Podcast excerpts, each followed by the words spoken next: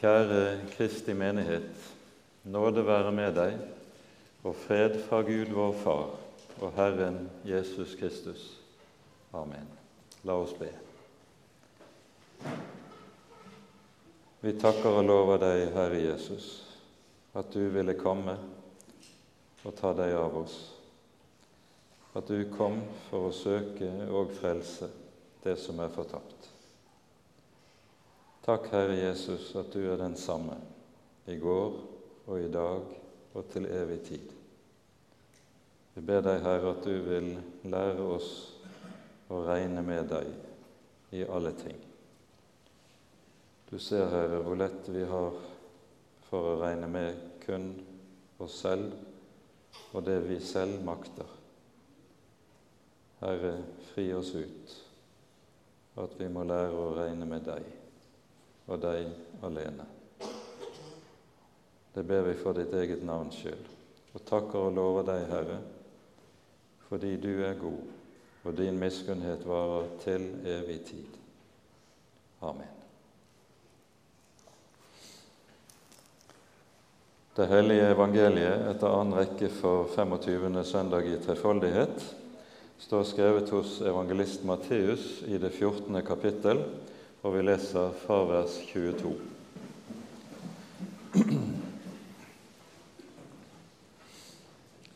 Straks nødet Jesus disiplene til å gå i båten og dra i forveien for ham over til den annen side, mens han sendte folket fra seg. Da han hadde sendt folket fra seg, gikk han opp i fjellet for å være for seg selv og be. Og da kvelden kom, var han der alene. Men båten var allerede midt ute på sjøen, og den stampet hardt mot bølgene, for vinden var imot. Men i den fjerde nattevakt kom han til dem, gående på sjøen. Da disiplene fikk se ham der han gikk på sjøen, ble de slått av skrekk og sa, det er et spøkelse, og de skrek av redsel. Men Jesus talte straks til dem og sa, Vær ved godt mot, det er meg, frykt ikke. Da svarte Peter ham og sa, Herre, er det deg? Da byd meg å komme til deg på vannet. Han sa, Kom.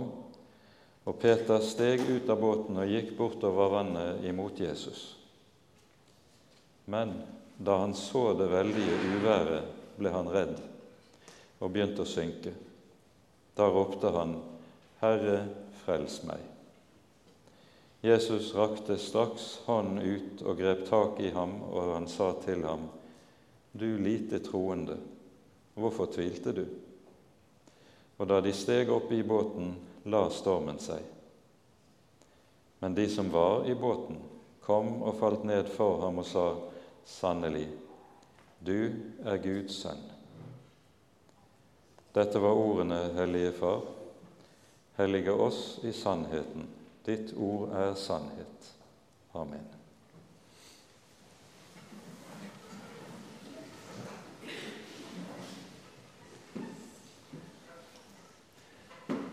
Jeg tror de fleste av dere vil være vel kjent med hvordan dette er en av disse beretningene i Det nye testamentet som vantroen latterliggjør og har latterliggjort lenge. Bibelkritikken har på samme vis også satt spørsmålstegn ved dette og sier at den slags det kan selvfølgelig aldri ha hendt. Dette er rent eventyr og legende. Saken er imidlertid den at det er en grunnlov i Skriften at det kun er det som har hendt faktisk, virkelig og historisk, som også har åndelig betydning. De to ting henger uløselig sammen. Og Hvis det vi leser i denne teksten i det hele tatt skal ha noen betydning for oss, så må det nettopp være noe som har skjedd nøyaktig slik som det står skrevet. For nettopp i det er det også trøsten i teksten ligger der for oss.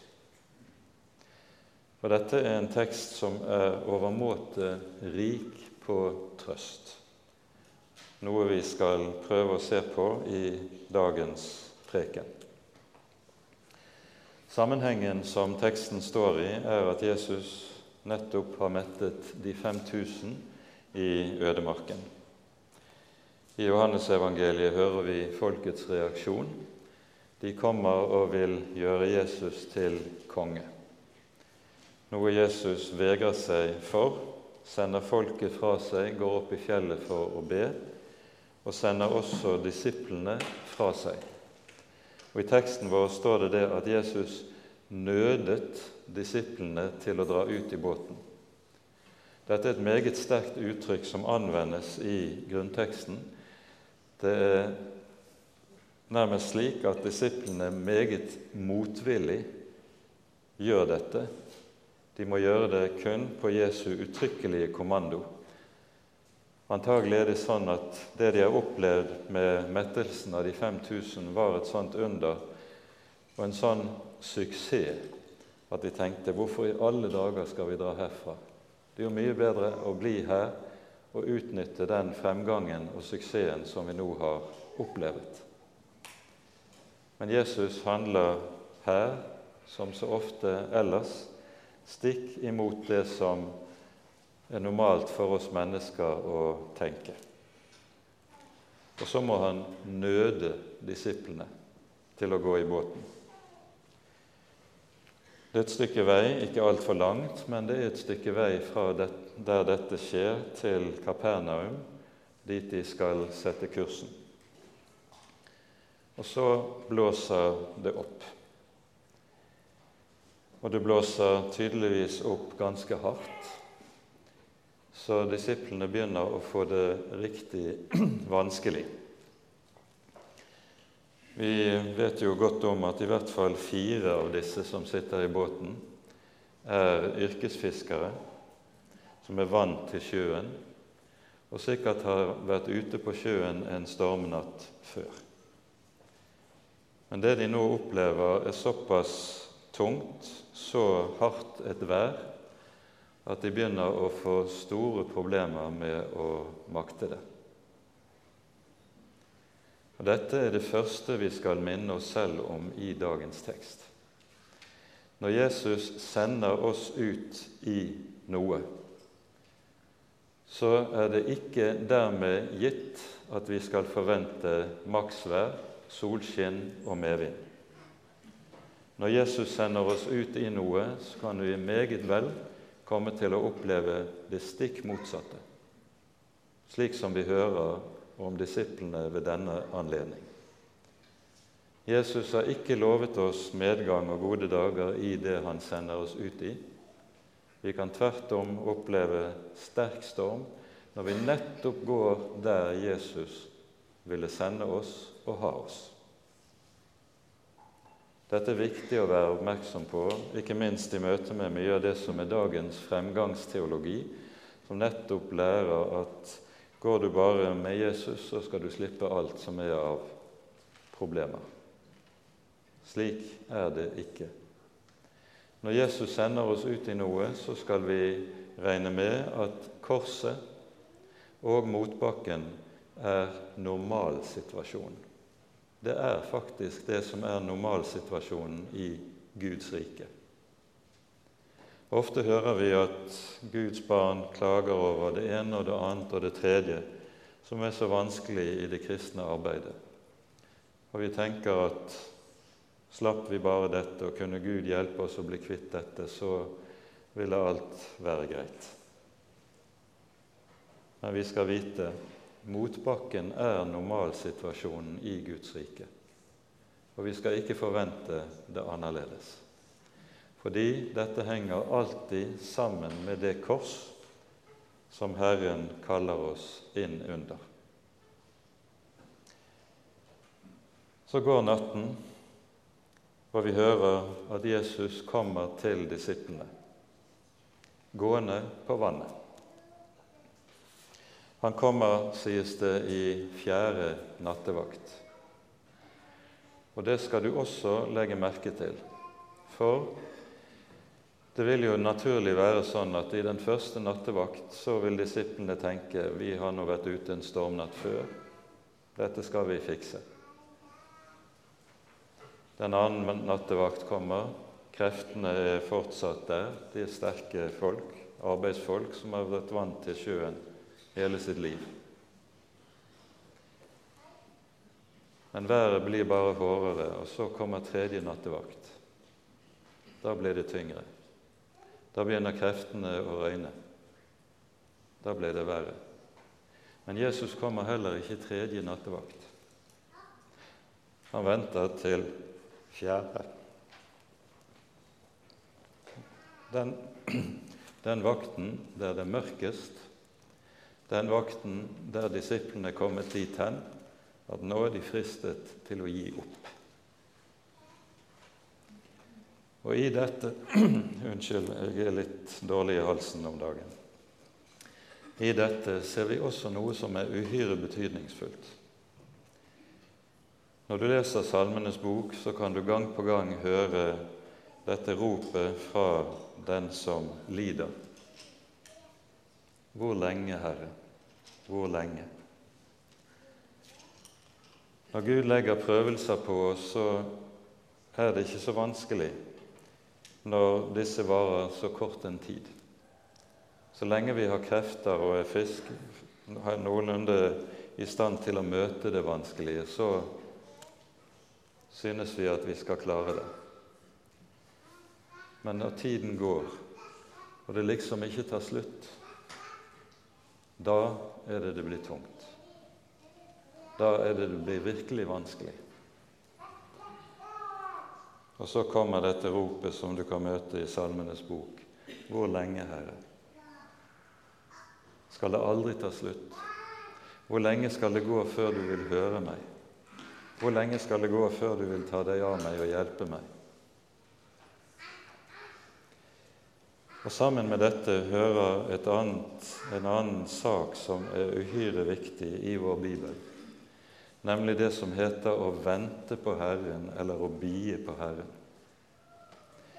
Ordet 'å bie på Herren' det betyr nøyaktig slik som en kjent forkynner har sagt det. Det betyr å vente lenge og tilsynelatende forgjeves. Merk det siste. Du venter på Herren, og så er det akkurat som om det er forgjeves når tiden drøyer. Men han kommer i den fjerde nattevakt. Han kommer i den fjerde nattevakt. Og så skal du legge merke til hva det er som fører Jesus til dem. Hva er det Jesus kommer gående på? Han kommer gående på bølgene. Han kommer gående nettopp på det som volder disiplene vansker. Det er det som bringer han til det. Og på ny finner vi i dette noe som er dyp bibelsk lærdom, nemlig at det ofte er slik at det nettopp er nød, trengsel og vanskeligheter som fører oss nær Jesus på en måte som de gode dager aldri kan gjøre det. Han kommer gående på det som volder dem vansker. Og nettopp fordi han kommer gående slik, så kjenner disiplene ham heller ikke igjen umiddelbart. Det står at de tror det er et spøkelse. Slik er det også for oss når Jesus kommer gående til oss på det som volder oss nød, volder oss vansker. Vi kjenner ham ikke igjen umiddelbart, men det er ham. Det er ham. Og så må han si sitt 'frykt ikke, det er meg'. Og så, så kjenner du ham igjen. Han sier sitt 'frykt ikke, det er meg'. Men været er det samme. Stormen blåser like hardt. Bølgene er like høye. Men han sier sitt 'frykt ikke, det er meg'. Slik er det han kommer og når han kommer slik, da er det at et hjerte også får fred, selv om det, stormen og uværet er akkurat det samme.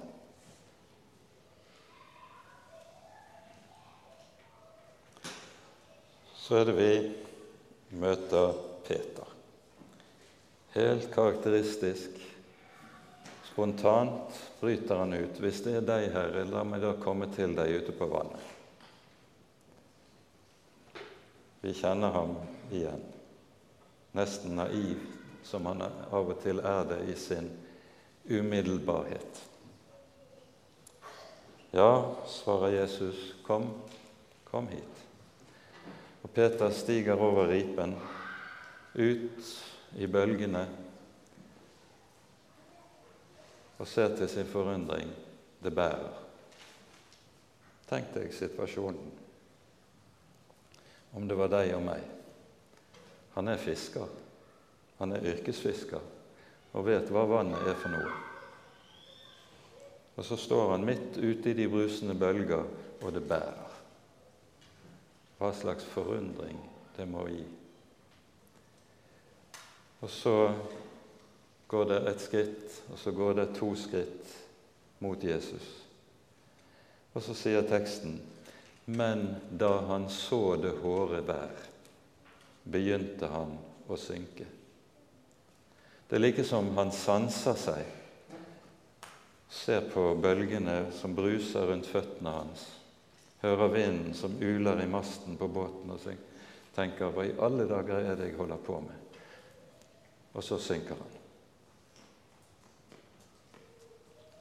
Hvorfor synker Peter? Hva er tro? For det lærer vi nå i noe av dette vi her hører. I, i Hebreabrevet står det sånn i det tolvte kapittelet. La oss derfor, da vi har så stor en sky av vitner omkring oss, legge av alt som tynger, og synden som henger så fast ved oss, og løpe med tålmodighet i den kamp vi har foran oss, med blikket festet på Jesus.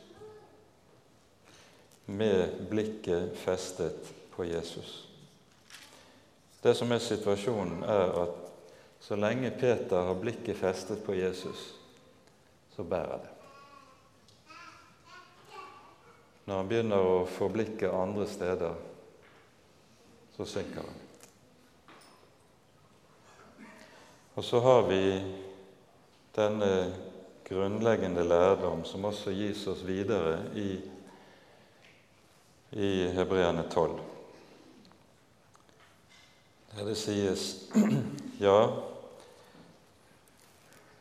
gi akt på ham som tålmodig har lidd en slik motsigelse av syndere, for at dere ikke skal gå trett og bli motløse i deres sjeler.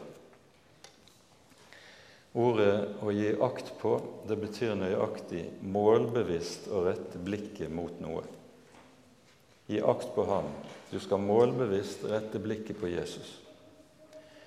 Og så sies det hva som ligger i det. For at dere ikke skal bli gå trett, og for det andre bli motløse i deres sjeler. Hva er det som kan gjøre en kristen trett og motløs? Det er to ting. Det ene er det vi hører om Peter når det sies da han så det hårde vær. Begynte han å synke. Når blikket, oppmerksomheten vår, hjertet vårt, ble så opptatt av alt det som er vanskelig, som er vondt, og som volder oss nød, at vi så å si mister fokuset på Jesus, da blir vi motløse. Da blir vi motløse. Så det er det ene. Det andre er når en kristen begynner å rette blikket mot sitt eget hjerte og ser hvordan det er der inne.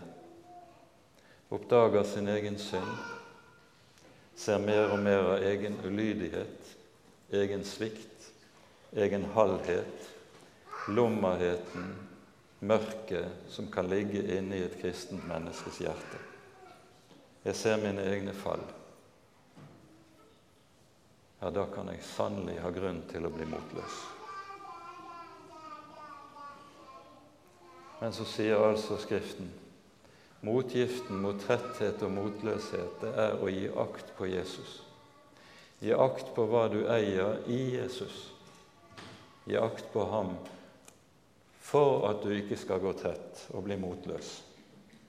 Det er saken.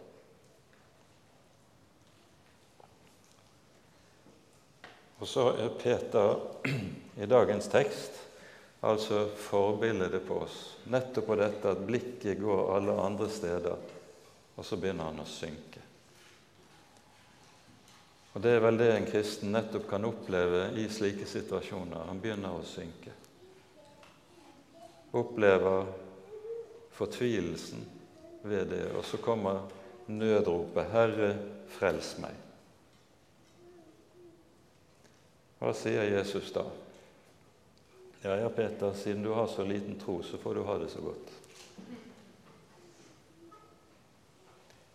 Jesus rekker ut hånden og redder den synkende Peter. Og poenget er Jesus er ikke avhengig av noen stor tro eller noen sterk tro hos deg og meg for at han skal hjelpe og for at han skal redde oss. På ny er dette noe som er helt avgjørende i møte med meget av det en kan få høre i dagens forkynnelse. Bare du har tro nok, da skal Jesus hjelpe deg. Bare du har tro nok, så skal du bli frisk fra sykdommen din. Det er løgn. For i dagens tekst så hører vi nettopp hvorledes Jesus tar seg av og hjelper en som har en tro som slett ikke verken er sterk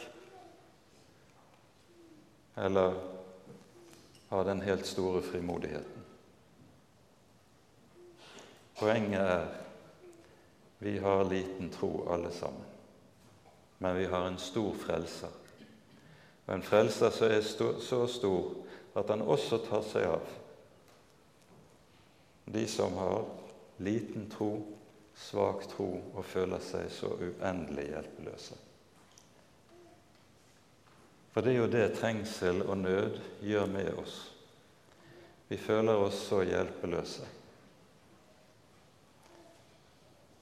Men nettopp hjelpeløsheten skaper noe som intet annet kan skape hos et kristent menneske. Det skaper avhengighet av at Jesus virkelig er den han sier han er. Når han kom der på vannet, hva var det han sa? Fred, det er jeg, lyder det i vår oversettelse. I grunnteksten står det egentlig 'fred'. Jeg er. Han ytrer gudsnavnet. Det som først ble kunngjort for Moses ved tårnebusken. 'Jeg er den jeg er'. Og Det er det som lyder også til en Peter som synker. Jesus er den han er. Han er frelser for syndere frelser for de som er svakt troende. Frelser for mennesker som aldri riktig synes at de får det til. Han stiller spørsmålet. Det ransakende spørsmål 'Hvorfor tvilte du?' Det ransakende spørsmål trenger vi for at vi ikke skal glemme hvem vi selv er.